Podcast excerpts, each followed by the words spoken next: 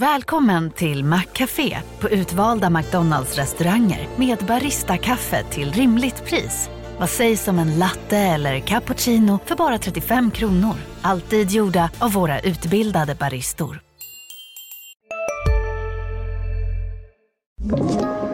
Podplay. Det är en ny vecka och det innebär nytt avsnitt av Sanny och Svensson. Vi är tillbaka i era högtalare och vi har kommit fram till avsnitt nummer 61. Johan Ryno, poängkung i Färjestad, Leksand och en hel rad andra klubbar. Jusso Ikonen, som allra bäst i Brynäs. Joakim Björklund i IFK Nyland, och han är en spelare man håller koll på såklart. Fredrik Lindgren, gränsfall att han ska ha tröjan upphängd i taket i Skellefteå Kraft Arena. Den bästa nummer 61 just nu, ja, det är Marcus Ljung. 61 förknippar vi också med det antalet poäng som du Johan hävdar att man måste ha för att klara sig kvar, undvika kval. Ja, men om vi fortsätter på det eh, temat där med Linköping och nummer 61 så eh, hakar jag på med Solveig Gisler som spelar Linköpings damlag. Vi har den tidigare Frölunda och Rögle-spelaren Lars Eller. Vi har Johan Jarl, även känd som Johan Wikström, som spelar i Björklöven. En som var högst aktuell under söndagskvällen var ju Kristianstads Malte Sjögren. Eh, vi har Emil Wahlberg, Slitvargen i Oskarshamn, som har väl gjort poäng i division 3, division 2, division 1, Hockeyallsvenskan och SHL. Vi har ännu en slitvarg i Niklas Jadeland, känd från Oskarshamn och Malmö. Och sist men inte minst, Mikael Daggen Eriksson. Där pratar vi slitvarg och hjärta på riktigt.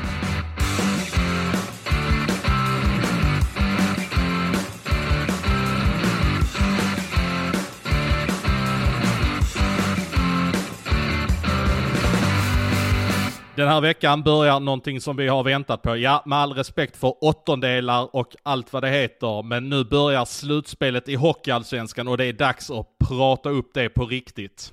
Då har vi fått frinfrämmande poddvärldens Rhett Rakhshani. Ja, han är känd från Sporthuset, Hockeypuls, Plastpodden, Dream Factory, Radio 157 och såklart VF-podden. Det är en ära. Min kollega Lars Lindberg, välkommen till podden. Ja, eh, så har släppt oron lite grann nu. Det kändes ju som att jag var inkallad som kanonmat om tekniken skulle strula här. Att jag ska få skiten för att det inte blir något avsnitt. Men kul att vara med grabbar. Hur, hur taggad är du nu för slutspelet? Du kändes ju som när det ställdes in i fjol. Det var ju någon, alltså det slog hårt på alla, men du var, du var ju deprimerad där när slutspelet ställdes in. Du hade en match i Umeå fullsatt, du hade en tom arena i Övik och sen var det över. Hur taggad är du? Ja, helt, helt obeskrivligt faktiskt. Det, jag, jag, jag är ganska säker på att jag inte kommer sova en sekund i natt. För jag kan aldrig sova när jag är exalterad. Så jag kommer mest troligt att få gå ut och gå någon nattlig promenad där. Så gärna om ni kan släppa avsnittet utan min röst innan klockan fem när jag inte har kunnat somna. Men äh, det ska bli så otroligt jäkla roligt. Alltså man såg ju bara nu ikväll mellan Kristianstad och Väsby hur otroligt kul hockey är när det verkligen betyder någonting. Så att, äh, jag tror att ni är ganska laddade ni också. Vi tar och kastar oss rakt över på det som komma skall och eh, det blir Timrå mot AIK. Förresten, vilken match kommer du göra under måndagskvällen? Ja, vi kör studio från eh, Timrå AIK. Vi börjar där och eh, tar ett rejält startskott för slutspelet. Och det känns ju som en väldigt spännande start. Hur går tankarna inför den här matchen som ska spelas i Timrå? Seriefavoriterna eller serievinnarna, i överlägsen stil, tog sig an, ska ta sig an AIK. Hur, hur går dina tankar inför den matchen? Eh, jag tror att eh, AIK är ett lag som passar Timrå ganska bra. Eh, det var min känsla egentligen under hela, hela den här eh, säsongen. På något sätt så tror jag att Timrå trivs mot lag som är spelande. Och därför så tror jag väldigt mycket talar för att eh, AIK i princip måste vinna imorgon om de ska ha någon chans att skapa någon spänning i den här matchserien. Eh, och kanske till och med måste vinna ganska klart. Eh, för att ja, Timrå är ju dunder, dunder, dunder favorit till att gå upp till eh, SHL. Så att eh, det är rejäl press på AIK. Sen spelar ju också Björklöven-Mora första matchen imorgon. Den går ju parallellt. Men om vi håller oss kvar vid Timrå och AIK. AIK har ju faktiskt vunnit mot Timrå på bortaplan så att eh, de vet ju i alla fall hur man gör. Men då ska jag säga så att de gjorde det när Timrå i princip redan var klara för eh, att ha vunnit grundserien samtidigt som AIK hade sin, vad var det, 11 matcher i rad med eh, typ i princip bara segrar och red på moln. Anton Blomqvist var ny som huvudtränare och eh, det var ganska mycket omständigheter. Sen tror jag också att, om inte jag minns helt fel, så tror jag att Timrå vilade både Lodin, Hartman och Löke eller något sånt. Och så var inte Hardegård tillbaka heller. Så det, var ju, det finns ju andra omständigheter kring den segern också. Men du, jag, jag, kände att AIK är ju det laget som är mest lurigt av de här lagen eh, på den undre halvan. Jag trodde nästan att Timrå skulle gå för Västerås. Var, var du förvånad eller var det självklart för dig att de plockade AIK? Äh, alltså, ja, på något sätt var det nog ändå det. Det som är med Västerås, ett Västerås är ett, lag som har ett väldigt bra spel, är min uppfattning. Men att de saknar den där spetsen. Men också ett lag som är ganska homogent och jobbiga att möta. Jag tror att AIK är mer ett lag, om du är spelande och liksom har en bättre kvalitet på laget så tror jag att det är det som talar till Timrås fördel. Att de, det är ungefär samma typ av lag med samma typ av målvakt, samma typ av backsida, men lite bättre på allting. Men finns det inte en sovande styrka någonstans i AIK som man ändå ska vara jävligt rädd för? Jo, men det finns det ju i princip i alla lag i det här slutspelet egentligen. Alltså, eh, det finns ju någon USP egentligen i alla lag. Och jag skulle säga det att AIK är ju som Timrå i styrka, fast lite, lite sämre på det mesta. Det, som enda, det enda som stod helt klart när de här valen skulle göras var att Timrå inte skulle välja Tingsryd för att eh, vi, eh, jag och Adam var faktiskt inne i Kent Nubben Norbergs spelbutik i eh, veckan som gick och pratade lite grann med honom och han sa att äh, Tingsryd vill vi inte spela, det, är, det blir ett helt annorlunda spel när man spelar sådana små hallar, det är lågt till tak och det fladdrar till höger och vänster. Så att han, det, det var det enda han kunde slå fast att uh, tim, uh, Tingsryd kommer vi inte välja. Så att uh, jag, jag, är inte speciellt förvånad att de du, valde AIK. Pratar inte han paddel nu, lågt till tak? Var det det han, pratar han inte paddel med nubben eller? Det lät ju som att han refererar något paddel. ja, nej, alltså jag vet inte vad det, riktigt vad han menar där, men eh, det, det, som var intressant var att jag, jag ställde en fråga till nubben i spelbutiken. Du, är det du eller Fredan Andersson som, eh, som bestämmer det slutgiltigt? Då fick jag ett par hymlande ögon mot mig. Hallå, du är i Timrå nu.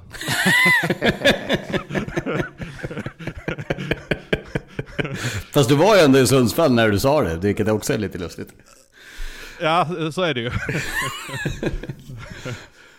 ja, nej men eh, över till den, eh, den andra matchen eh, som eh, spelas då imorgon. Det är Björklöven som tar emot Mora.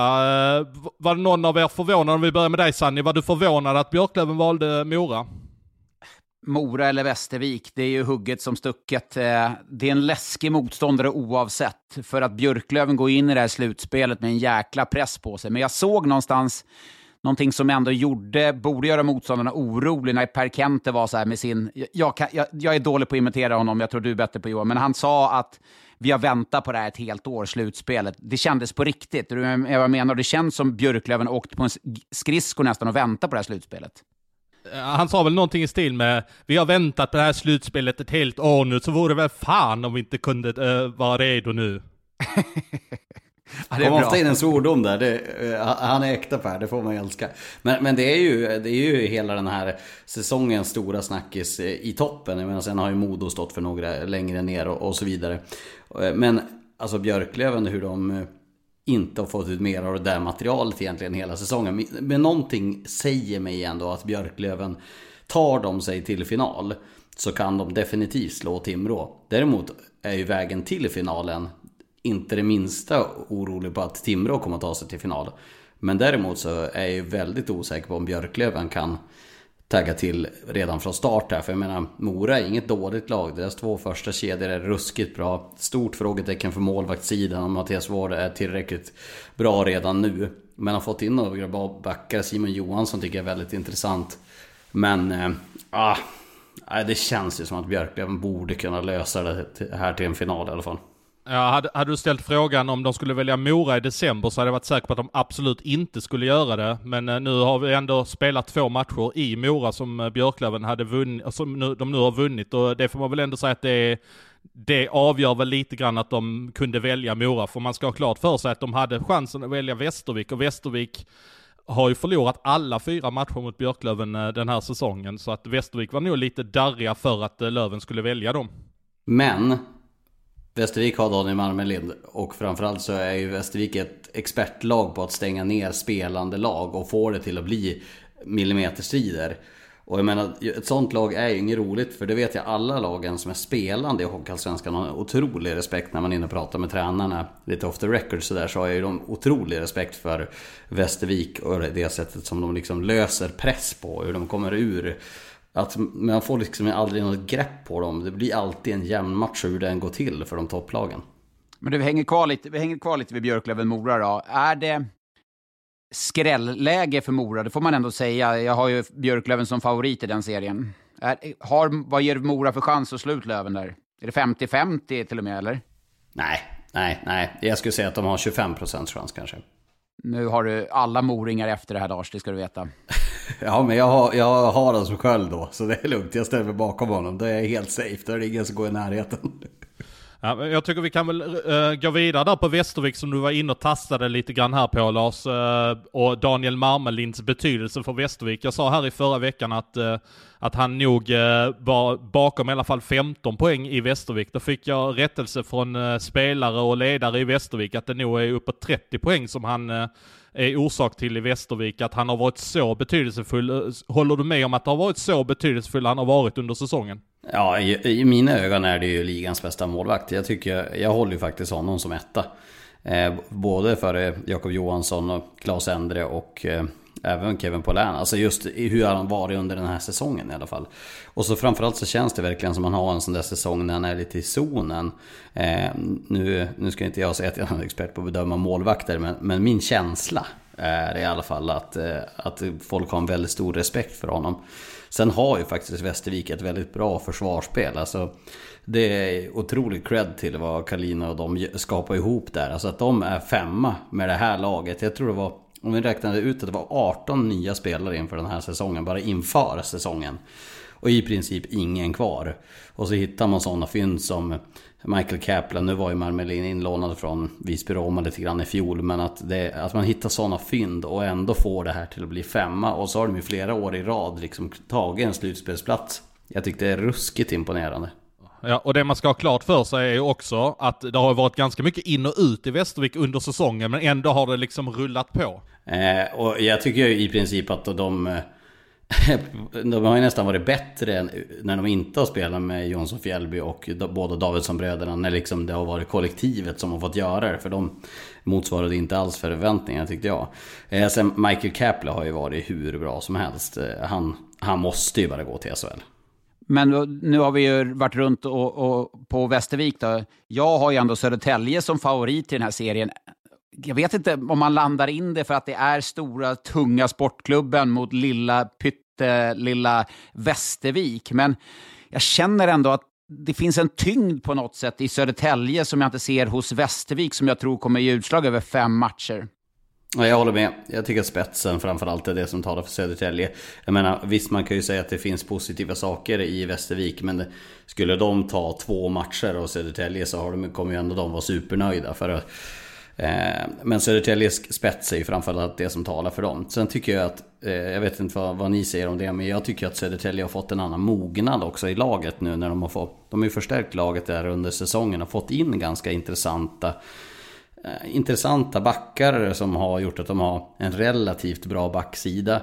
Och så sen har de hittat en bra kemi i vissa av kedjorna där de har en bra bredd nu. Där både Bengtsson erbjuder någonting framåt. De har retsticker som eh, Sam Bitten då tillsammans med Rasmus Kahilainen. De har Lindbäck, Hugo Gustafsson och deras spets tillsammans med Olesen och Blomstrand och så vidare. Så att, ja, jag tyckte det känns ruskigt intressant med Södertälje. Och det är väl egentligen de som kan skrälla. Eh, jag har svårt att se att Karlskoga ska kunna rucka Timrå eller eh, Björklöven i en matchserie av bästa sju. Södertälje skulle kunna göra det riktigt jobbigt för många. Men sen vet man ju aldrig. Men känslan. Men känns det inte som att Södertälje, efter att Micke Samuelsson klev in i den föreningen, att det har blivit ett helt annat go, ett helt annat framtidstro, tydlighet, att det finns någonting att ta på i Södertälje nu? Jo, jag tror det. Och framförallt tror jag att fansen, om än de har slitit sitt hår ganska mycket den här säsongen. De har ju ändrat i kedjorna i princip tusen gånger den här säsongen känns det som. Jag vet inte hur många gånger jag har sett dem gnälla om det där. Men eh, jag tror också det, att det finns någon form av, av eh, framtidstro i, i sportklubben. Och jag menar, Södertälje är ju ett sånt här lag som har ju en väldigt stark historik. Så det är klart att Södertälje är kul när de har lite medvind. Om vi nu kokar ner det vi har pratat om här. Du gav Mora 25% chans att eh, slå Björklöven. Vad ger du Västervik för chans? Mm, 33. Den som jag, serie som jag kanske på förhand tycker är mest intressant är ju Karlskoga mot Västerås. Det är väl, får man kalla ett derby med tanke på avstånden mellan, eh, mellan lagen. Där, alltså, Karlskoga går ju in med en jäkla press på sig. Det ska bli intressant att se vad det här gav Västerås. 2-0 mot Almtuna och avslutade serien bra. Vad känner du där kring den, Lars? Ja men sjukt intressant. Bara en rolig så här passus. Jag, jag gillar ju sådana här grejer som händer runt rinken som bidrar lite grann till hettan. Det hände en otroligt skön grej inför senast de här två lagen möttes här i slutomgångarna. Då hade vi en intervju med Daggen då inför match och som ni vet, då kan det hända lite det ena och det tredje. Sen frågade han mig du vet om Anton Eriksson spelar idag? i Västerås. Jag bara, nej vadå då? Han bara, ah, men det är väl det enda som kan tjafsa lite grann. Jag behöver lite tjafs idag.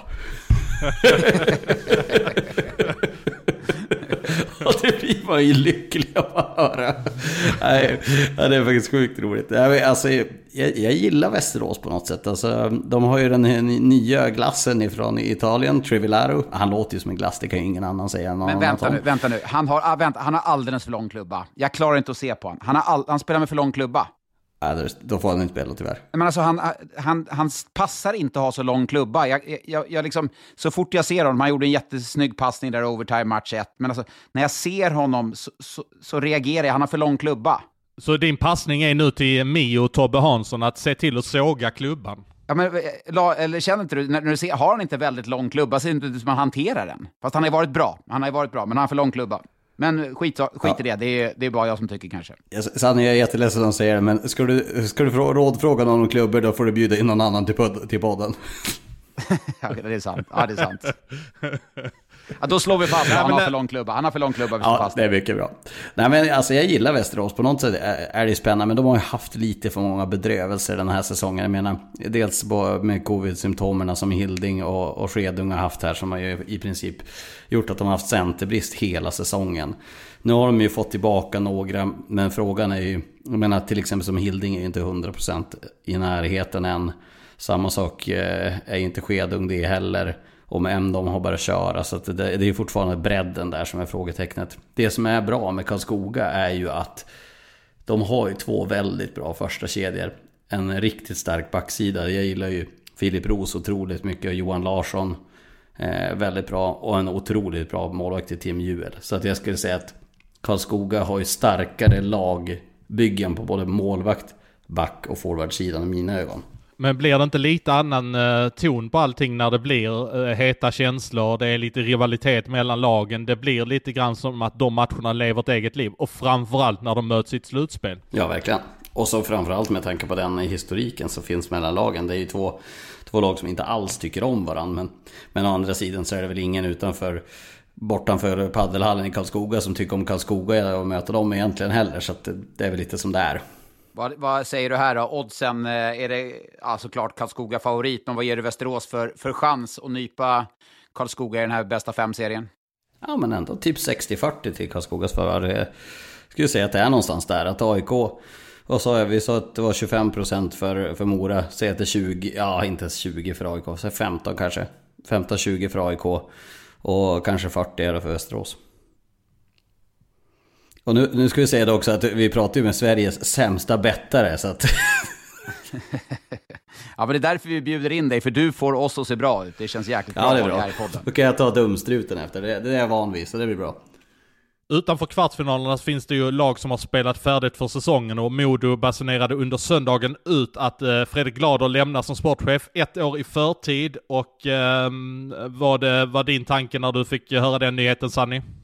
Eh, väntat ändå, måste jag säga. Eh, nu är man också ute på tränarjakt och det, det är ju sen, sen länge. Eh, och det är väl någonstans mod att få börja om på ruta ett. Eh, någonstans kan jag känna eh, hur många tränare och sportchefer har man avverkat kontra styrelsefolk. De som sitter i styrelsen borde se sig själva rejält i spegeln där, för de har ju ett väldigt stort inflytande och påverkan och tar ju de slu, eh, slutgiltiga besluten. Så ska man plocka in en sportchef oavsett vem det blir, som jag varit inne på tidigare, då måste man plocka in en sportchef och ge personen i fråga det ansvaret. Du kan inte plocka in, då kan du ta in, med all respekt för en vaktmästare, då kan du plocka in honom om inte han tar besluten. Eh, så att eh, den nästa person som kommer måste få mandat att göra en förändring och plocka med sig de personerna som han vill. Vad har du fått för erfarenhet av Fredrik Glad under de här två säsongerna han har lett Modo, Lars? Eh, ja, men som en, en bra och trevlig kille, men som gick in i ett jobb med i princip omöjligt uppdrag. När Björn for så följer ju också chansen för Modo att ha någon form av, av vägledning framåt. Alltså, jag måste stanna till vid det där som Sanni sa. Alltså, vi räknade ut eh, David Olofsson som är projektledare för Hockeyallsvenskan, Harald Rickner, jag och Mike Elber och några till. Att de har gjort, haft 15 tränare och 8 sportchefer i Modo sedan 2008. Och jag menar, hur är det möjligt? Har ni hört talas om det? Att det inte är sportchefen som tillsätter huvudtränaren? Jag, jag, jag varit helt chockad när jag hörde det. Jag fattade ingenting. Det är, he det är helt, helt otroligt. Det är, det är, så dumt så att jag sak saknar ord. Sen måste du såklart, alltså, en, du ska ju ha ett, ett, en förening som drar åt samma håll, men det är ju sportchefen som är satt för att ta, ta den typen av beslut. Så det, det, är, det, det förklarar ju varför det ser ut som det gör uppe i Modo. Men eh, om vi stannar vidare vid tränare så eh, kom det ut uppgifter i Dagens Vimmerby, en tidning som Sanni förmodligen läser väldigt konsekvent. Eh, och eh, eh, där gick de ut med att Modo nu har kontaktat Västervik för att de vill ha Karlin. Och jag tar en fråga här från Mange Sågen Klingstedt.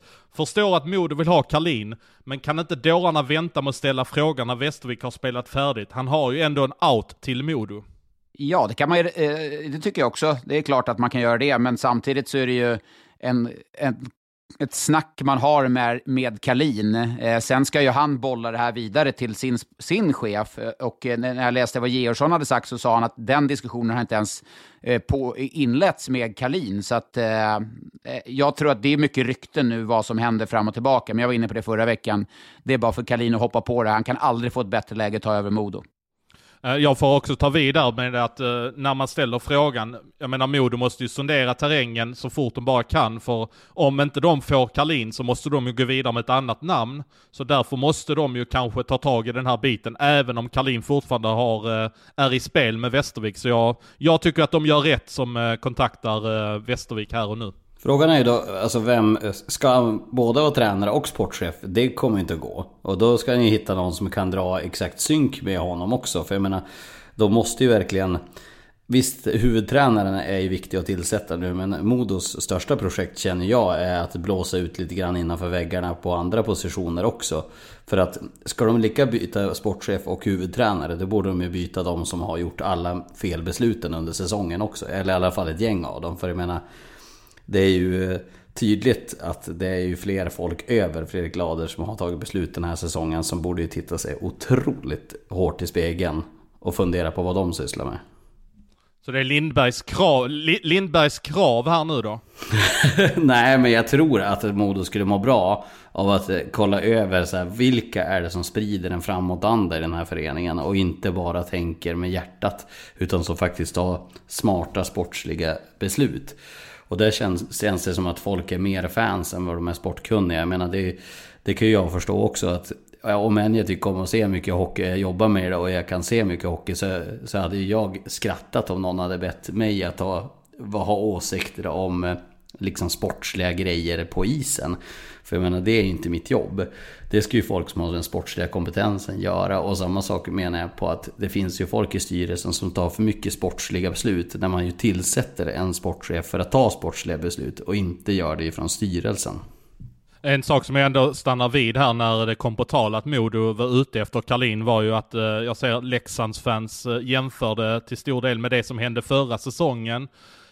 Går det att dra den parallellen? Jag känner ju inte att det riktigt är samma sak, det som Modo gör nu som eh, Leksand gjorde med Björn Hellkvist, utan här finns det fa det faktum att Mattias Kalin har en out, han har inget nyskrivet kontrakt, han har en out för just Modo, och Modo har kontaktat Västervik, eller är det jag som är helt ute och cyklar nu?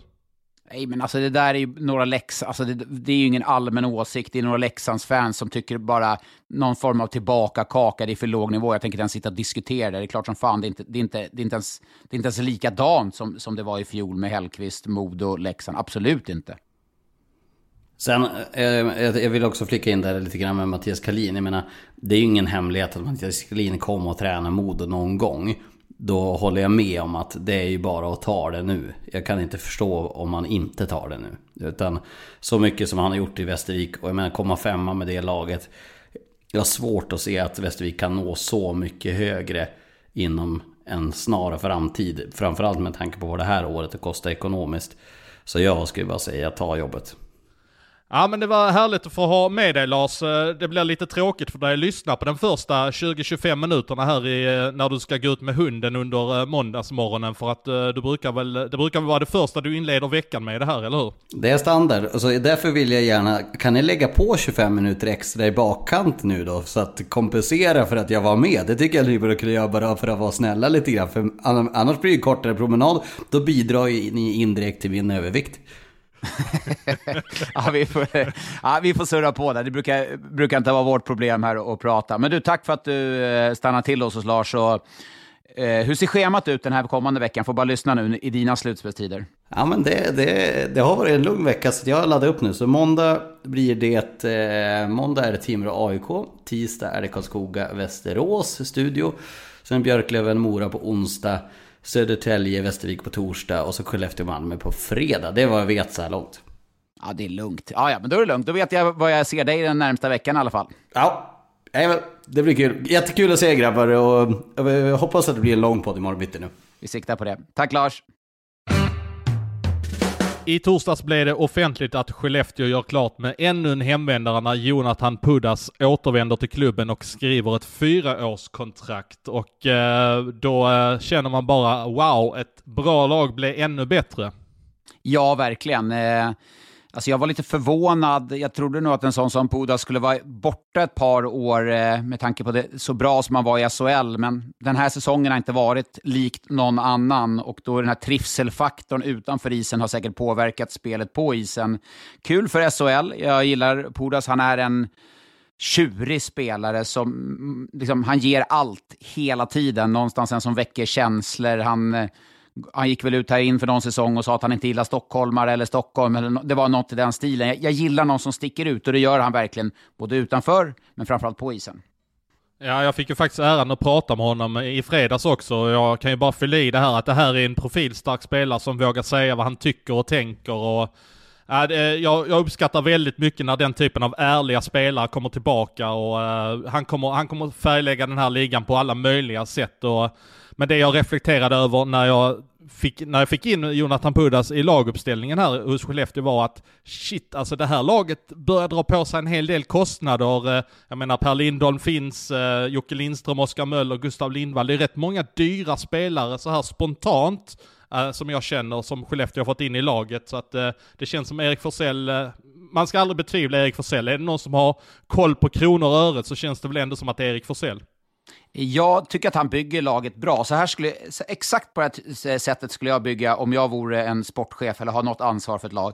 Jag skulle betala mina bästa spelare jävligt bra pengar och så hade jag fyllt på spelare bakom där. Typ som man gjorde med Fredén, eh, Berggren från egna leden. Att man får de här spelarna att ta kliven, men att det är fortfarande den kärnan som tjänar bra som är bäst. Nu kommer man tappa Berggren, Fredén, Eh, och eh, någon till säkert av de här lite billigare spelarna inom situationstecken, Filip Broberg till exempel. Så att då gäller, får man bygga om och hitta nytt fynd där bakom.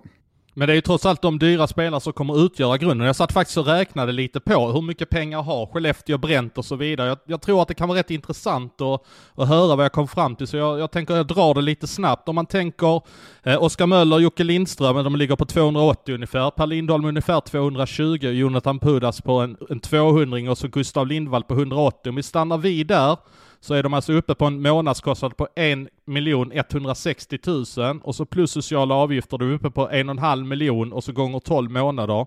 Då är vi uppe på, bara där har de bränt 18,5 miljon på sin budget och det är på fem spelare. Eh, står du fortfarande fast vid att du tycker att det är rätt? Helt rätt. Alltså det är fem ledande spelare, fem spelare som kommer att vara bästa spelare. Eh, Möller och Lindströms kontrakt går ju ut efter nästa säsong, så det, det, blir en omförhandling. Men man har ju ändå de bästa spelarna under kontrakt, vilket gör att alla spelare som kommer till Skellefteå, de tittar på de här kärnspelarna. Eh, och Okej, okay, det är så här man gör i Skellefteå, det är så här man tränar, det är så här man ska spela, det är så här man ska leva. Så att, eh, helt rätt, helt, helt rätt. Jag kände också, eh, jag kände också som du, men så tänkte jag shit vad det kommer upp i mycket pengar direkt. För att jag menar Skellefteå med ett coronalag eh, nästa säsong, att det måste bli lite coronarabatt i truppen. Skellefteå brukar kanske normalt sett ligga på kanske 42 till 45 miljoner någonstans i truppen och då har man ju bränt iväg bra mycket pengar på dem. Men så satt jag ändå och räknade på de andra lite som ändå har kontrakt. När man räknar Wingerli 140, Granberg 120, Jonathan Jonsson 100 och så kanske Hugg har fått ett nytt på runt 80, Darren Nowick 70, Oskar Nilsson 70, Vilsby 60, Linus Lindström 60, Söderblom 50, Filip Roos runt 40 och sen har du billigare spelare då i Sundsvik, Oskar Eriksson och Simon Robertsson som ligger någonstans mellan 25 och 35 000. Då får vi ihop 875 000 gånger 1,32, det är 1,1 miljon gånger 12 månader, det är 13 miljoner 860 000. Och intressant då är att på den truppen man hittills har slagit ihop med de som finns på avtal har man alltså bränt iväg 32 miljoner 234 400 kronor ungefär. ungefär, i runda slängar. Inte för att vara exakt, men...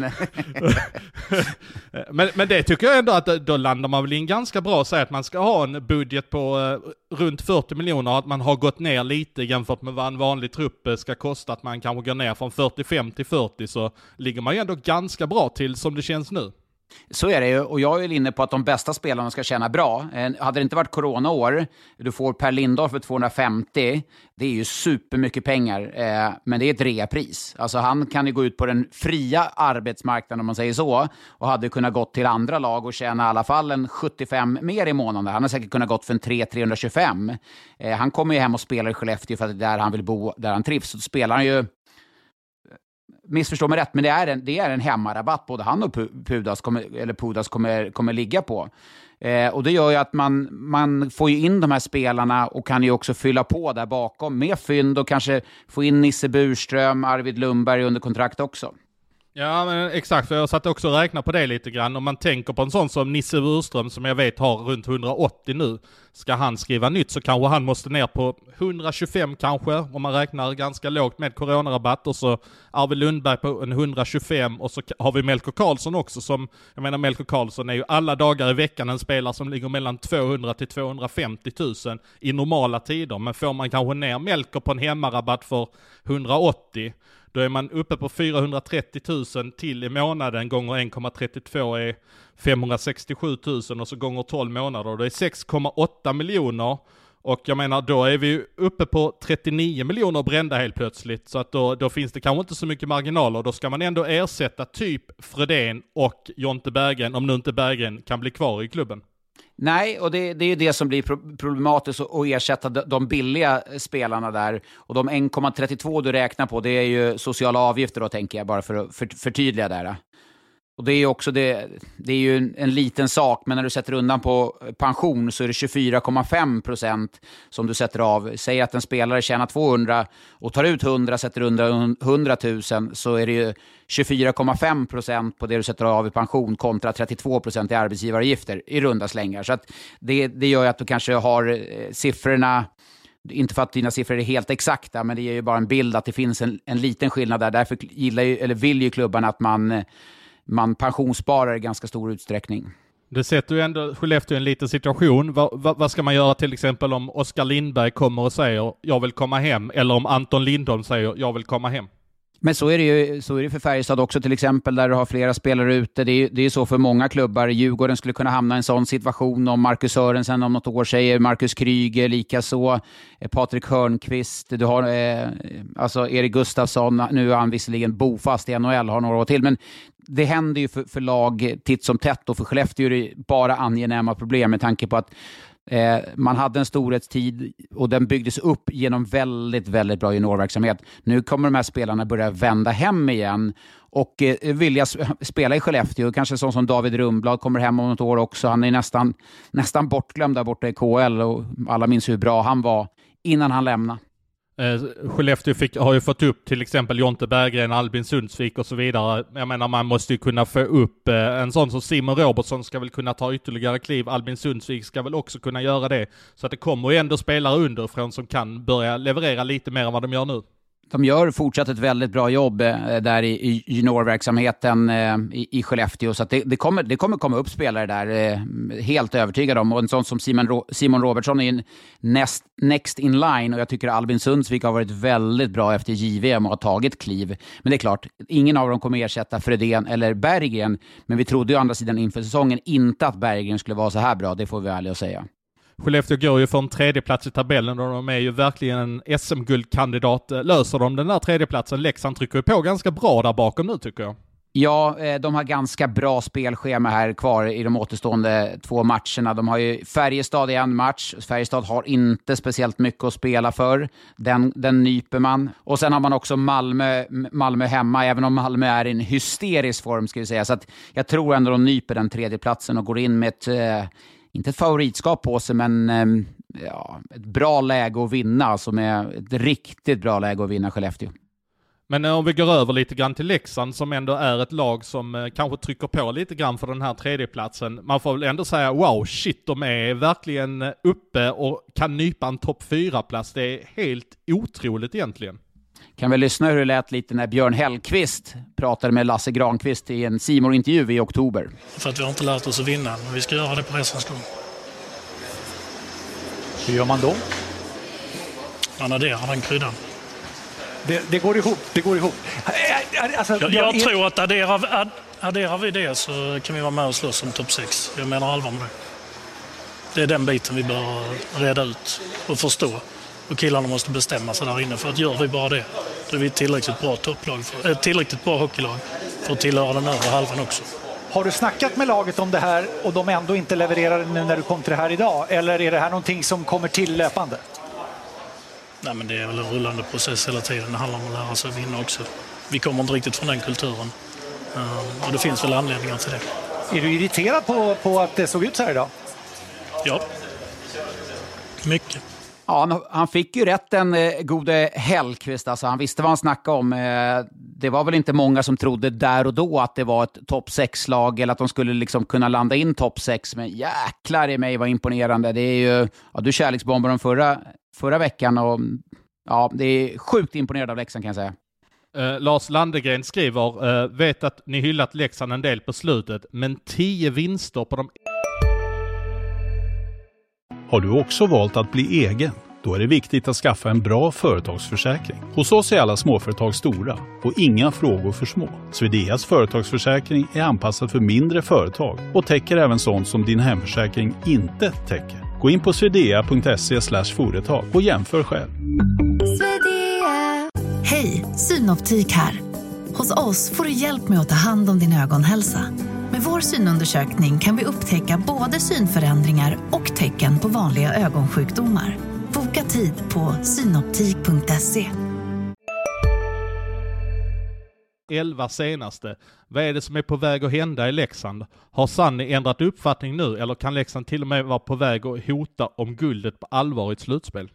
Jag vet inte, ändrat uppfattning. Alltså det är väl successivt ett lag som har blivit bättre. Inför säsongen var jag, jag, jag trodde inte jättehårt på dem. Jag trodde inte de behövde kvala visserligen, eh, men de skulle, jag trodde de skulle ligga där nere i botten. Men jag trodde att man hade tagit rätt steg med Björn Hellkvist där. Det skulle kanske kunna ta lite tid, men att det skulle gå så här snabbt och få spelare som Åman, Kandegård, Heinemann, August Berg, Schelin. Alltså att de spelarna, Fredrik Forsberg, att vara så jäkla bra. Rittola är, spelar ju som han gjorde under sin bästa tid i Skellefteå. Toppkedjan har vi pratat jättemycket om. Det trodde jag inte, eh, så det är bara lyfta på hatten och imponera. Så det ska bli sjukt spännande nu när slutspelet väl drar igång och se vad de kan ställa till med Leksand. Ja, för jag menar Leksand har ju slagit exempelvis Skellefteå på bortaplan två gånger under säsongen, så att jag menar de vet hur man eh, säger att de nu skulle halka ner på kanske en femteplats eller, eller en sjätteplats till och med, så tror inte jag Leksand har några som helst problem att okej, okay, vi tar oss an Skellefteå i, eh, i en kvartsfinal. Jag tror inte de känner någon skräck över det överhuvudtaget, utan de bara har precis allt att vinna i en sån matchserie. Men det som blir roligt nu, det är ju ett slutspel som väntar där Rögle känns som ett eh, semifinallag. Växjö semifinal, Skellefteå semifinal. Leksand absolut, Örebro absolut, Frölunda, nej, de får nog vara glada om de tar sig till semifinal, kanske till och med glada om de tar sig till kvart. Samma sak Luleå, de kanske till och med bara får vara glada om de tar sig till en kvartfinal med tanke på Malmös form som de har haft de senaste 25-30 matcherna ändå. Eh, även om det kanske är de sista här åtta vinsterna som man pratar om så har de varit jäkligt jämna och stabila eh, under andra halvan av säsongen. Så att det är ju rätt kul slutspel som väntar där det inte finns jag ska inte säga att det finns så många lag som kan vinna guld, för jag tror att det kommer stå mellan Rögle, Växjö och Skellefteå. Men att ta sig till kvartsfinal, semifinal, det kommer bli jäkligt tajt. Vi kan uh, stanna kvar där vid Luleå, för de, uh, de förlorar ju faktiskt mot Leksand i uh, lördag. Eller faktiskt ska jag inte säga, för det, så här på förhand kändes det jäkligt väntat att Luleå skulle förlora mot Leksand med tanke på den formen Luleå har, den formen Leksand har. Men jag säger som så här att Luleå kommer absolut inte vinna något guld och jag känner att det har blivit ganska krispigt här bland fansen att de är... Men det känns ju uppgivet. Jäkla... Ja men verkligen, verkligen. Det, det, de är inte alls... Ja, uppgivet är väl rätt ord och eh, Tråkocke skriver att vi ska såga Luleå en timme. Han hoppas väl på någon Sanny Svensson-effekt här, men eh, såga dem en timme kan vi väl inte göra. Men ja, de har, de, det, det funkar ju verkligen inte mycket i klubben just nu. Nej, och det, det jag känner är att det är inte eh, en, upp, ja, men en uppgivenhet upplever jag nästan. Att det, de pratar om hur liten lönebudget de har, att det, de ligger på den och den platsen i löneligan. Jag, alltså hade jag varit klubbchef så hade jag skämts att prata om de sakerna. Det är, ett, det är ett jäkla underbetyg till alla som jobbar i föreningen. Varför ska Luleå, en storklubb som Luleå, med jättestora i Luleå, populära i hela det närområdet, varför ska de ha sämre förutsättningar än många andra föreningar? Har man, då, har man, då säger man indirekt, vi har för dåliga säljare, vi säljer för dåligt. Vi säljer för dålig reklam, vi är för dålig nu är det här året speciellt med tanke på corona, jag vet. Men vi säljer för lite i arenan, vi säljer för lite mat, vi säljer för lite pilsner, vi gör, vi gör för lite grejer. Alltså, Luleå gör jättemycket rätt, till exempel på damsidan. Där är de en förebild och har ju varit riktigt bra flera säsonger här under Bulan. Men nu känns det jäkligt uppgivet allting. Vi, vi skulle spara pengar, vi skulle inte värva, vi släppte Ilomäki. Det är klart de skulle värva, de var ute på marknaden och värva. Det känns ju som man bara använder ursäkter för att man är dåliga just nu hela tiden. Johan Barkestam skriver, han vill ha en analys på Luleå med extra fokus på Bulans coaching och på Erik Gustafssons spel. Och Kobran skriver, är Bulan nästa tränare att avgå? Det känns som att det är väldigt irriterat just nu. Nej, men nu får vi, nu får vi någonstans sansa oss här. Eh, Bulan är ju, har ju tagit Luleå från en väldigt låg nivå till en väldigt hög nivå. Det är få lag som håller så jämn nivå över tid. Luleå har dippat de här åtta senaste matcherna, men dessförinnan, man ska veta att de åtta senaste matcherna när man har förlorat, vilket är klubbrekord, är ett mindre smickrande än sådan, men dessförinnan hade man ju liksom ett poängsnitt som var nästan i klass med Växjö, Skellefteå och Rögläs. Så att det, är liksom, det är en förening som, som ändå har levererat över tid, men har varit väldigt svaga här på slutet. Men jag känner mer, det jag är orolig för, kanske inte riktigt spelet, de är väldigt ineffektiva, men det är, det är den här uppgivenheten jag bara känner. Jag, alltså, det, det var en, eh, den här stenkast från Delfinen, den där supporterpodden eh, där, då, då sa ju han det, att vi, Uffe Engman där, att vi har eh, botten ligger 10-11 i löneligan. Alltså, det är ju någonting, det blir bara en ursäkt. Jag skulle, bara, jag skulle vilja säga, vi är bäst, vi betalar bäst, vi, vi omsätter mest pengar, vi, vi är störst, bäst och vackrast. Det, det är någonting man måste sträva efter. Inte bara förtydliga hur lite pengar vi drar in eller hur lite vi betalar. Nej, sånt gillar jag inte. Nu vinner skott och Rudin tar pucken. Rudin kämpar framför John Nyberg som avgör! Brynäs tar två poäng. John Nyberg är matchvinnare med det avgörande målet i Gävle den här lördags eftermiddagen. Ja, det var John Nybergs avgörande mål mot HV71 och det får man säga att det var sjukt viktigt för Brynäs att de eh, kunde vända den matchen. Men där och då kunde vi väl konstatera en gång för alla att HV71 kommer att kvala den här säsongen, eller hur? Ja, det var målet som skickade eh, HV71 i kval. Och den personen, det geniet som slängde in John Nyberg i den situationen, vem, vem vad, vad tänkte han? John Nyberg har gjort två mål den här säsongen. Det var ju ganska skönt innan de tog timeout. De, mål, de ritade upp Viktor Stråle.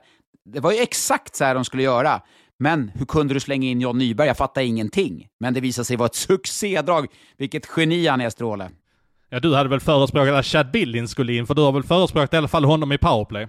Ja, ja, eller så i det läget hade man lika gärna kunnat spela med tre forwards. Du hade kunnat sätta in Palve där när du hade en så tydlig idé hur du skulle, skulle göra med 20 sekunder kvar, en offensiv tekning. Men ja, ett genidrag och det var ju precis exakt som man ritade upp eh, och HV var inte alls beredda, även om Anton Rudins framspelning till Nyberg var, ja, det var med precision. Han la den över Simon Öneruds klubba. Men det jag såg av HV71 i den här matchen var ju ändå inte så dåligt. Jag menar HV hade 1-0 och de hade ju jättelägen att göra 2-0 i matchen och jag tyckte ändå det såg ganska okej okay ut och Hugo Alnefelt var grymt bra i matchen. Ja, men det är det. Det är ju det. Man pratar ju om eh, Leksand då, om vi bara gör, alltså de, de vann två matcher en gång i veckan. De spelade inte speciellt bra mot Oskarshamn. De vann ändå. Ah, de var väl inte jättebra, men de vann över Luleå. De, de gör en okej, okay, de gör en bra match. Va? Men de hittar sätt att vinna. Och då vänder man på det. HV hittar ju sätt att förlora. Det är som du säger, i början av eh, tredje perioden, man har jättelägen. Filip Sandberg när, när Ersson gör eh, par högklassiga räddning. Önerud har ett eh, två mot en, nästan tre mot ett läge, skjuter strax utanför. Där kan man ju faktiskt stänga matchen. 2-0 på Brynäs i det läget, då är det ju då är det godnatt och nästa match. Eh, så att, eh, det grinar emot HV71 och fasiken, eh, kvalet nu alltså. Jag är sjukt orolig för dem. Ja, men eh, jag menar HV71, ett tag så var det bara vi tar oss till slutspel, men har klubblinjen insett var de är på väg? För man, man förstår ja, ju att HV är ganska aktiva på marknaden och nu värvar de Musita Bagenda och jag vet fler spelare som de håller på att undersöka som är ganska nära att, eh, att ansluta till klubben. Så att, eh, har de verkligen insett att, var de är på väg? Men det är klart, alltså, jo det tror jag. Men vadå, menar du att de ska sitta och, och vänta ut marknaden och, och hoppas att man spelar SHL? Du, får ju, du måste ju du måste ju, I det här läget så måste du ju vara väldigt aktiv på marknaden och försöka knyta spelare till dig. Och går man, åker man ut, då, ja, då bryts ju kontrakten. men man måste fortfarande vara väldigt aktiva för att det här är ett lag som måste byggas om. Och då måste man, enligt mig så måste man få in, det är backsidan som man måste stärka upp. Men eh, jag vet ju till exempel Linköping, eh, där har de egentligen, satte de egentligen allting på paus när man väl började inrikta sig på det här kvalet som man i stort sett har röjt undan nu. Så där har man ju ändå valt den taktiken att man inte ska vara speciellt aktiva på marknaden. Pratar man med agenter, nej men Pajen han har valt att vara väldigt försiktig här nu. Det, det ska inte hända mycket där förrän de vet vad de spelar nästa säsong. Så det är ju olika strategier då ju. Men de var ju ändå hög på eh, Ludvig Larsson där i Mora till exempel. Alltså de var ju ändå och, de, de är ändå på, på spelare. Jag tror inte på det där att, att man sitter helt, eh, helt passivt tills att man vet vad man spelar. Sen ska det, med det sagt så ska man ha en jäkla respekt för att, eh, att det måste finnas en plan A och en plan B. Och i HVs fall så är jag helt övertygad här och nu, man vet, man, är, man, är, man, man inser vilket jäkla skit man sitter i.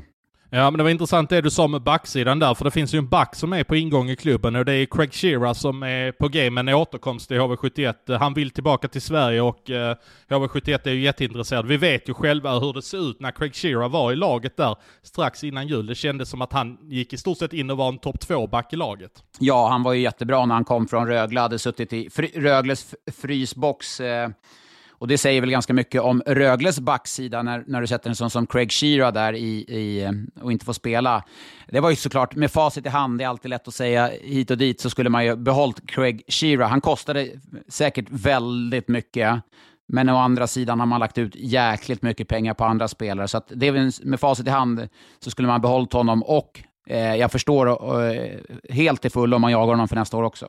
Ja, för det där är ju en stabil back som kan SHL, som har spelat i toppklubbar, har spelat i Luleå, har spelat i Rögle, som, som står för en stabilitet och rutin som HV71 verkligen behöver. Eh, med all respekt för en sån som eh, Murray, men jag menar, Shira är någonting annat på SHL-nivå. Eh, ja, alltså Shira står ju ändå för någon sån här han är fysiskt, han, han är bra defensivt, han kan följa med upp i anfallen, han kan ligan. Det är, han är ett säkert kort i HV71 skulle jag vilja säga. Så att det, skulle man rekrytera honom så är det klart att det, det är en bra förstärkning. Sen, det är en jäkla karaktär på en sån också. Jag tror inte han, han kan sätta krav. Jag tror att det är ganska få spelare i dagens HV71 som sätter de kraven på, på träning, till exempel, och kring matcher. Det, det, är min bestämda uppfattning och när jag pratar runt så, så stärks den bilden ännu mer av ett lag med väldigt få ledare. Ja, det finns ju en anledning till att Craig Shearer ändå var lagkapten i Rögle bara för några år sedan. Men vi stannar kvar lite vid Brynäs då. Det var ju två, ja men alltså, sjukt viktiga poäng. Och den glädjen i overtime när John Nyberg avgör, såg du i båset Peter Andersson, Stråle, eh, Micke Holmqvist, tränartrion, alltså det kramades, det var inga coronaavstånd där. Det var så spontan glädje och det bara ger ju liksom digniteten av matchen, vad den betydde. Alltså det kändes som det föll ner så mycket tyngd från axlarna, för samtidigt hade Oskarshamn förlorat i Skellefteå. Det kändes som att det här var Brynäs chans att koppla grepp om den här bottenstriden, att nu har vi två poäng att gå på Oskarshamn, Oskarshamn ska ner och möta Malmö och, och vi har två hemmamatcher och Oskarshamn borta. Det, det kändes som att nu har vi kopplat ett grepp om den här bottenstriden. Ja, och nu har de ju saken i egna händer. Eh, och det hade man kanske inte haft på, på, samma sätt om man inte hade vunnit den här matchen. Man var ju faktiskt ett tag där var man ju nollade innan Greg Scott eh, kunde göra den där kvitteringen i, i tredje perioden. Och, jag kom att tänka på en sak. Eh, Greg, när man får tillbaka publiken, eh, då Greg Scott eh, är ju en fan favorite, en spelare. Kommer du ihåg den där Will Greg on fire. Kommer du ihåg den där uh, walesiska spelaren? ja, nordirländska spelare var det va? Ja, precis. Just det, så var det ju. Han var ju, han var ju visserligen ingen stjärna, men det är en jäkla skön ramsa där. Nu vill jag höra dig sjunga Greg Scott on fire. Ja. Greg Scott's on fire. Your defense is terrified. Greg Scott's on fire. Your defense is terrified. Greg Scott's on fire. Na na na na na na na na na na na na, na, na, na, na, na, na.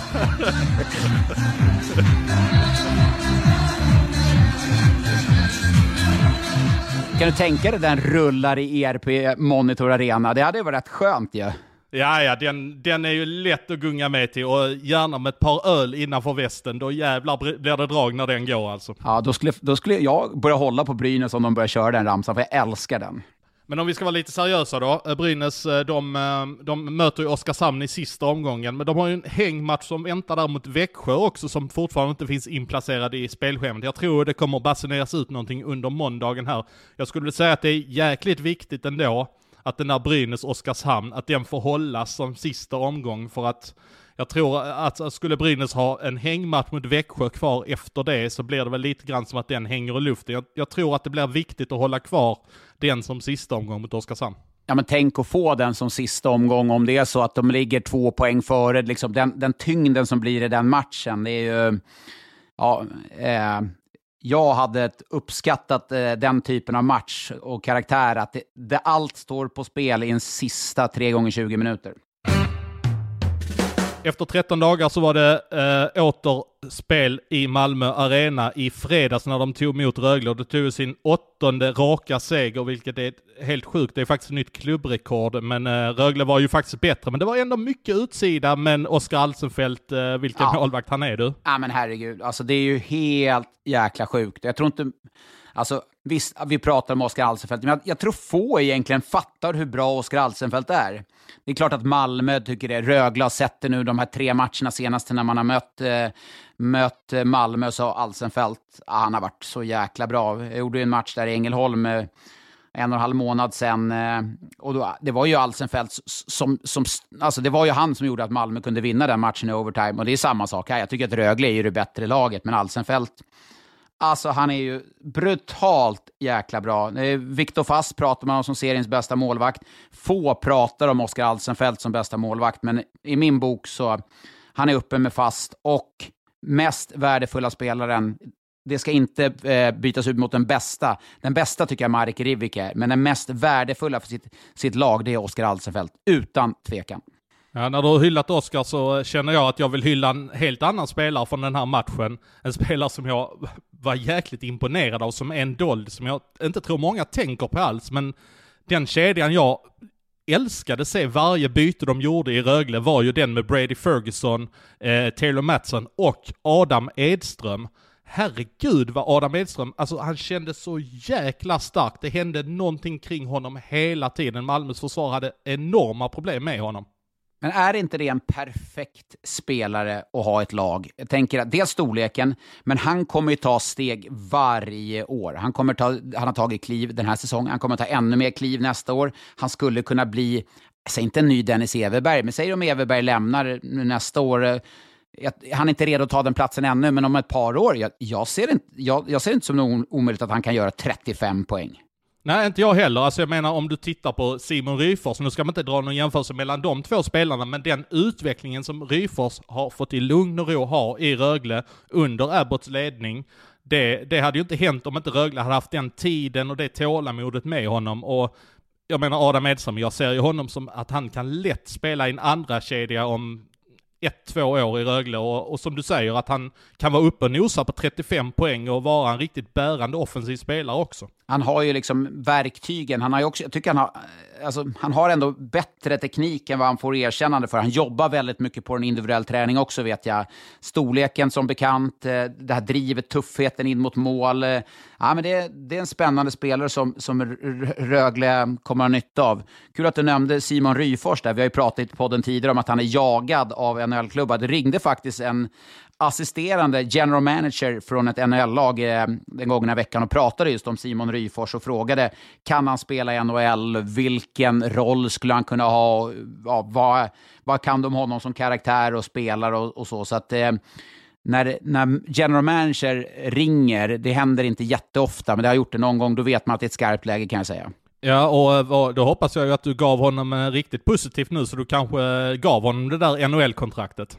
Ja, det har han nog spelat till sig själv ska jag säga. Så att det, det, men jag, bara utifrån vad jag har sett av honom och hört om honom och det jag har träffat av honom så, så är det klart att det går att lovorda honom väldigt, väldigt mycket. Och han är ju en spelare som kan spela i olika roller. Det har han visat i Rögle här och successivt äter sig längre och längre fram i laget. Så att, eh, det är klart att jag gav honom positiva eh, ord som att ta med sig. Sen eh, oavsett om det blir den klubben eller inte så kommer han signa NHL-kontrakt helt säkert. Men när en sån eh, GM ringer till dig, eh, frågar de mycket kring spelet? För jag menar, det ser de ju med egna ögon. Eller frågar de kring personligheten, där man kanske behöver någon som ändå är på insidan av svensk hockey? Är det mycket sånt de frågar också, eller? Mycket karaktär. Hur är han i båset? Hur är han i omklädningsrummet? Vad har du hört där? Hur ser du han när han åker och byter? Vad, liksom, det är den typen av frågor. Då kollar man mer karaktär. Det är klart att de ser att Simon Ryfors är en duktig skris, skridskoåkare. Det behöver inte jag berätta för dem. Men det är mycket sådana saker. Och, och vad man känner, liksom, hur skulle han klara av eh, klimatet här borta? Jag har, ändå, jag har varit här, det är jättelänge sedan, men det är, det är speciellt. Du måste tro på dig själv väldigt, väldigt mycket. För det, alla slåss om din plats. Om Simon Ryfors ska ta plats som en fjärde center i ett NHL-lag, då har han fyra, fem stycken som centrar som är rätt duktiga, som är där precis och hugger, då måste han fan tro på sig själv och, ta, och inse att jag ska ta den här platsen och inte liksom låta någon annan gå före. Så det är mycket av den karaktären det handlar om, så det är det man pratar om. Vi tar en fråga på mejlen också som rör eh, laget som Rögle mötte i fredags, eh, som kom från Patrik Gustafsson som frågar, kan Malmö bli obehagliga i ett slutspel? Klart, klart de kan. Eh, klart som tusan de kan bli obehagliga. Alsenfelt har vi pratat om. Tycker en backsida som spelar efter sina förutsättningar. Man spelar inte så svårt, komplicerat som man gjorde i inledningen av säsongen.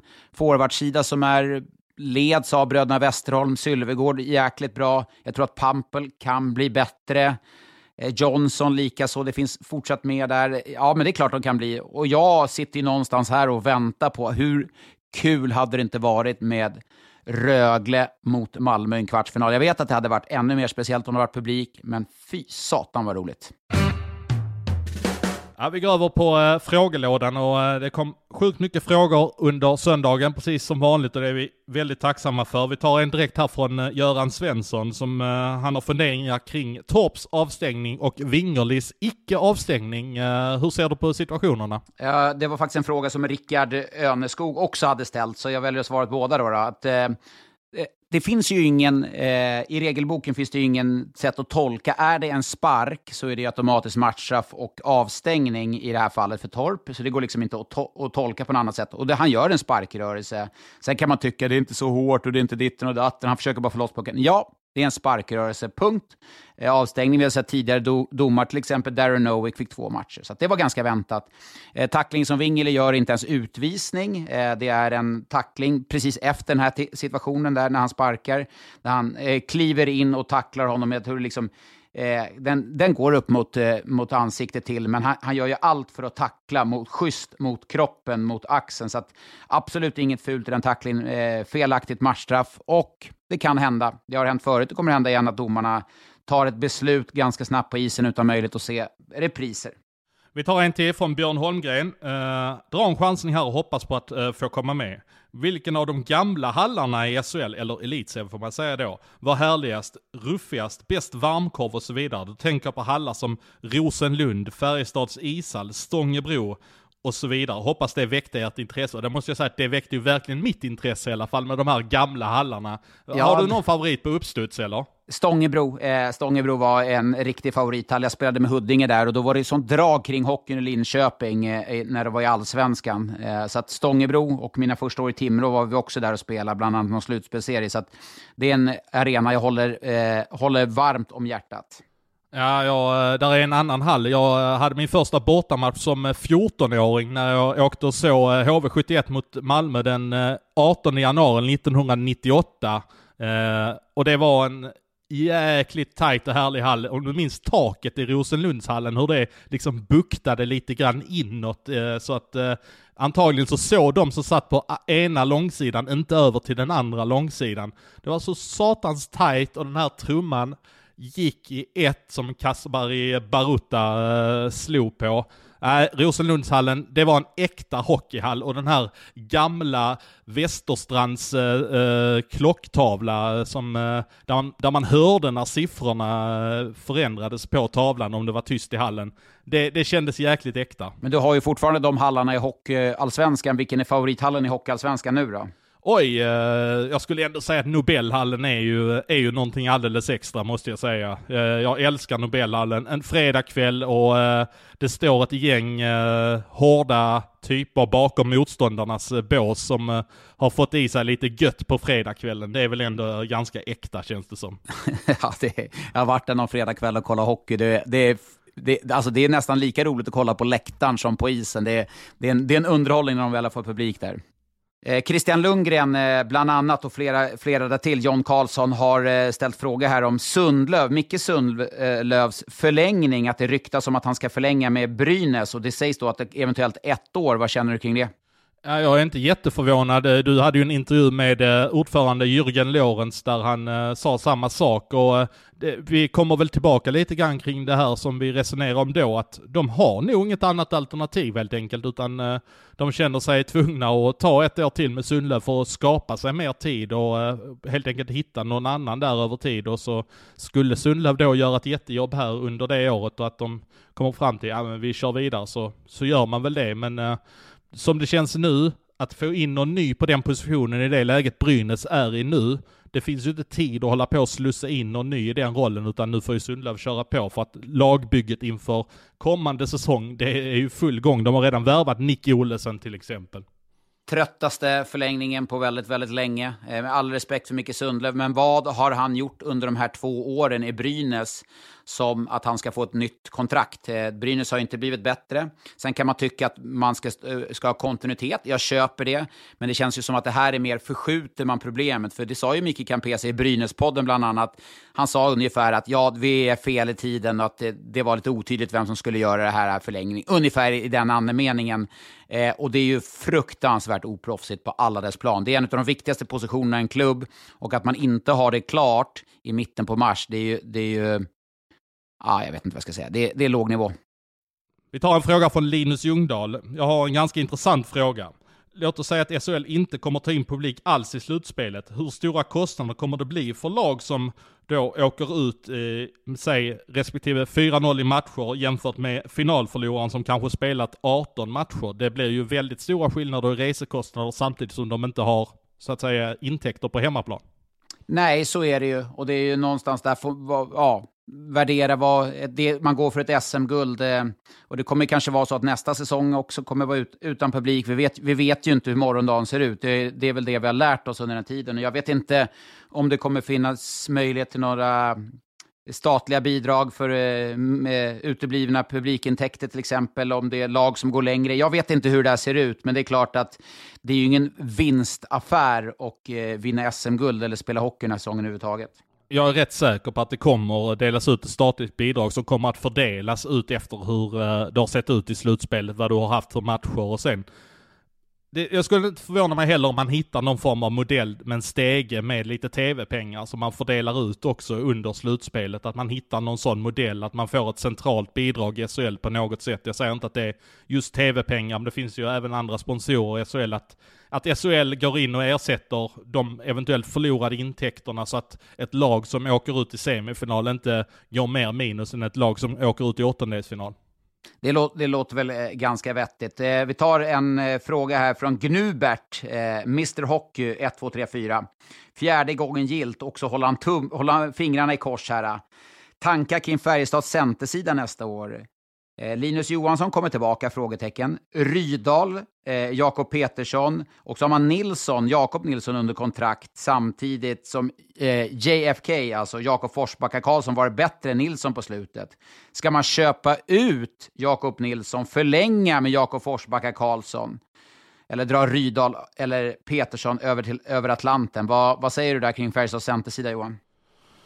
Alltså, för det första så är jag inte hundra på att det kommer bli en återkomst för Linus Johansson. Färjestad vill ju definitivt att han ska komma tillbaka och spelar han i Sverige så kommer han ju spela i Färjestad. Men eh, jag är inte säker på att det kommer att bli av. Jakob Nilsson har dem på ett avtal och det kontraktet är rätt dyrt. Eh, och det finns ju någonstans ändå en uppsida på Jakob Nilsson. Man får ändå ha lite respekt för att han kommer tillbaka från Nordamerika. Men vänta, vänta, vänta. Paus, tar... paus, paus, paus. Alltså, du skulle säga, man har respekt för att han kommer från Nordamerika. Det kan ta ett tag. Alltså vad det där är, ja, alltså, ja, han ja, har ju ja, alltså, jag, jag, det är inte, alltså, är det en nordamerikan, en transatlant, som aldrig har spelat i Sverige, som inte kan hockeyn? Här är en spelare som har varit borta något år och ja, liksom jag, jag, visste, jag visste att jag visste att du skulle stanna vid på den, för att jag, jag vet ju, han har inte presterat i år, Jakob Nilsson. Han har inte gjort det, men det kanske, det kanske varit annorlunda träning eller vad som helst. Det kanske är annorlunda träning jämfört med vad han hade till exempel i Mora. Eh, att det ja, du... är uppbyggt på ett annat sätt. Ja, ja, men... Och, ja men vad, vadå annorlunda träning? Alltså, alltså det, ja, det är för, att det, du tränar med kroppen, är... puck. Det där är bara, alltså, du, nu försöker du hitta några ursäkter. Alltså, alltså, han har inte levererat på hela säsongen. Eh, och nej, det har han. Man, ja, nej, men... ja, han, han, har kanske inte levererat på hela... Nej, han har inte levererat på hela säsongen. Det har han inte. Han, han, skulle kunna lätt göra 20 poäng till, sett till vad han har i lönekuvertet. Men jag tror att det skulle kosta mer att hålla på och lösa ut honom i det här läget. Jag tror man bara helt enkelt förstår sitt kast och hoppas på att han blir bättre det finns ju kanske klubbledare som dig som tänker som dig att ja, men det tar lite tid. Han har ju visat tidigare, det kanske är annorlunda träningar. Det kanske finns en klubb som är beredd att säga okej, okay, vi nyper det här kontraktet, men då får Färjestad betala, ni får betala 100 i månaden från det då. Ja, och då är vi nere kanske på en kostnad på 150 000 i månaden istället. Jag är ju tveksam om jag hade hoppat på det, även om jag var klubbledare. Jag hade ju nästan sagt att ni får lösa honom fram till typ november och så får vi stå för resten. Alltså det hade fått lägga sig på den nivån. För det är ju ändå ingen tvekan om att det måste finnas mer i Jakob Nilsson än vad han har visat hittills. Eh, jag tror att det har blivit en jäkla press att komma till en storklubb som Färjestad. Eh, vi ska ändå ha klart för oss att Jakob Nilsson han har ju bara spelat i Mora på SHL-nivå tidigare och bara gjort 18 poäng, så det var kanske så att Färjestad hade för stora förväntningar på honom sett till vad de lastade i lönekuvertet, så att det, det har blivit en press som han inte har kunnat hantera. Nej, där, där har du nog någonting som, som du är mer rätt på, det skulle jag vilja säga. Att, att pressen kanske har varit omänsklig från ja, honom själv, Färjestad och många utomstående.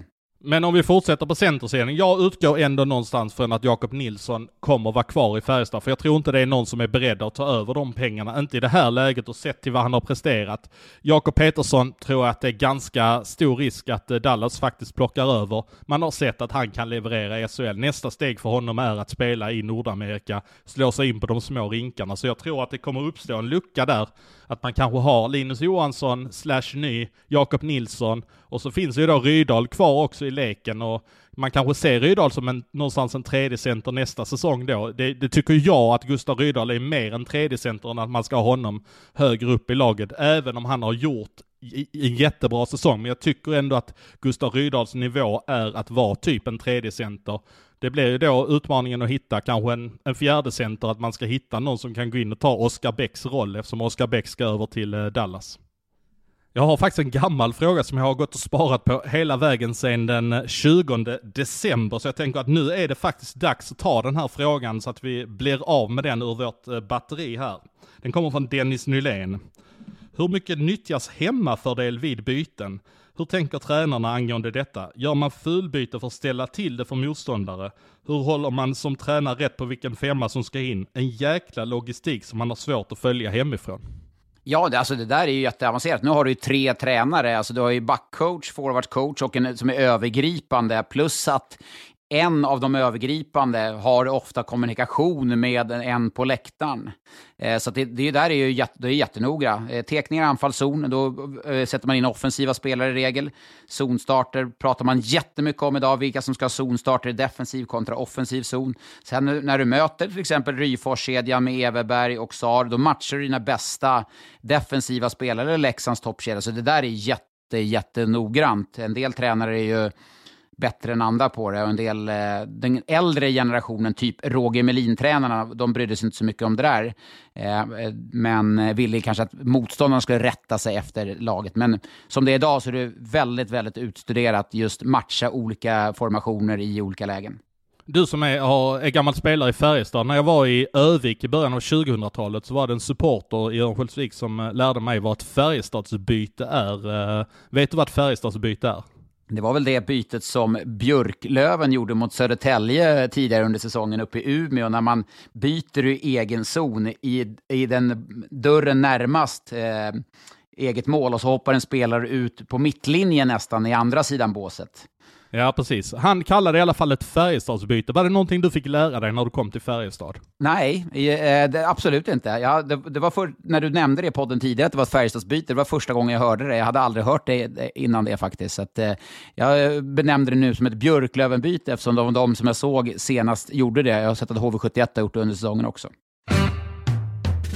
Då är det dags att tävla Svensson. Eh, då får du, faktiskt jag som har gjort frågan den här veckan, då får du välja helt eh, själv vad du vill eh, plocka. Många som man får inskickat, det är spelare. Jag uppskattar väldigt, väldigt mycket att ni skickar in frågor. De kommer såklart bollas in under säsongen här. Men nu får du välja helt fritt från min bank här. Ja, men om jag får välja fritt så vill jag ju ha ett årtal, för det känner jag mig ganska trygg med. Okej, okay. det här är, ja, på fem poäng. Är du redo? Ja, nu kändes det tufft, men bara kör. Mm. På fem poäng. Tabellens eh, topp åtta slutade så här den här säsongen. Leksand etta, Luleå tvåa, Djurgården trea, Färjestad fyra, AIK femma, HV71 sexa, Frölunda sjua, Malmö åtta. Uh, jag vill chansa. Um... Vi har fått ett svar från Johan på fem poäng. På fyra poäng. Hur coolt var det inte? Pavel Patera, Martin Prochaska och Otar Vejvoda, de värvades in till AIK den här säsongen. Patra blev sexa i poängligan när säsongen summerades, men den som vann poängligan det var Juha Rihijärvi i Malmö. Ja, men det känns ändå ganska tryggt med mitt svar här på lappen faktiskt. På tre poäng. Hockey-allsvenskans bästa spelare föddes det här året. Ja, men det känns ju väldigt tryggt här nu. Du ser alldeles för nöjd ut. På två poäng. Färjestad vinner guld efter att Luleå har vunnit året dessförinnan. Ja, men det känns hur bra som helst nu. Nej, men jag tänker inte ens ta ettan. Du är så jäkla nöjd här, vet du. Det. Ja, men vad stod, vad stod det på ettan då? Vad stod det på ettan då? Året mellan 96 och 98. Oj då, oj då. Ja, jag hade, ja, jag rätt, hade... Svar, rätt svar är 97 då. Är, är, du imponerad över att jag tog den eller? Ja, alltså, ja, fruktansvärt imponerad. Jag vet ju att alltså, det är inte, Leksand har inte vunnit så ofta, men jag vet inte om det var att Malmö kom åtta där som, som du nöpte på, men väldigt starkt där när du bara nöp, eh, utan nästan betänketid så satte du eh, 1997 eh, rakt upp och ner på tabellen. Det var starkt. Ja, jag nöpte faktiskt på att eh, Leksand vann, som du var inne på. Eh, för jag vet ju att de mötte Färjestad sen i semifinalen och så sa du att Färjestad var fyra. Så att då, eh, då gjorde jag en uträkning på att de möttes i den, i den semifinalen. Och att det var då det var någon sån långkörare där Andreas Karlsson avgjorde för Leksand, om jag inte minns helt fel. Stämmer. Och sen på fyra poäng, då, det var ju 1996, men det var den säsongen 96-97 som Pavel Patra, Martin Prochaska och Otar Vejvoda den tjeckiska stjärnkedjan som värvades in till AIK. Rihijärvi vann poängligan. Kan du säga på rak arm hur många poäng han gjorde den säsongen? Oh, nej det kan jag inte, men jag gissar på 53. 51. Och eh, Jonathan Dahlén föddes ju den säsongen, eh, 1997. Så att, eh, bra, bra jobbat Svensson. Ja, årtal, uh, eh, uppenbarligen är det ju min grej alltså.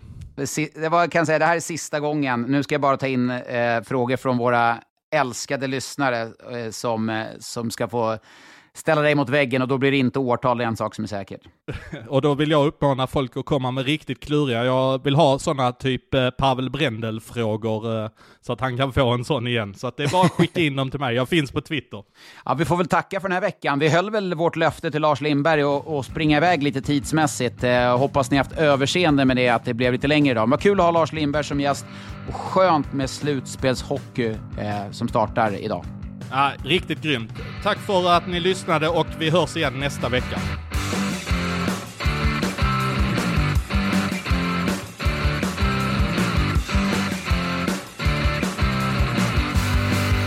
Du har lyssnat på en podcast från Expressen. Ansvarig utgivare är Klas Granström. Hej, Susanne Axel här. När du gör som jag och listar dig på en av Krys vårdcentraler får du en fast läkarkontakt som kan din sjukdomshistoria. Du får träffa erfarna specialister, tillgång till lättakuten och så kan du chatta med vårdpersonalen. Så gör ditt viktigaste val idag, lista dig hos Kry. En nyhet. Nu kan du teckna livförsäkring hos Trygg-Hansa. Den ger dina nära ersättning som kan användas på det sätt som hjälper bäst. En försäkring för dig och till de som älskar dig. Läs mer och teckna på trygghansa.se. Trygg Hansa. Trygghet för livet.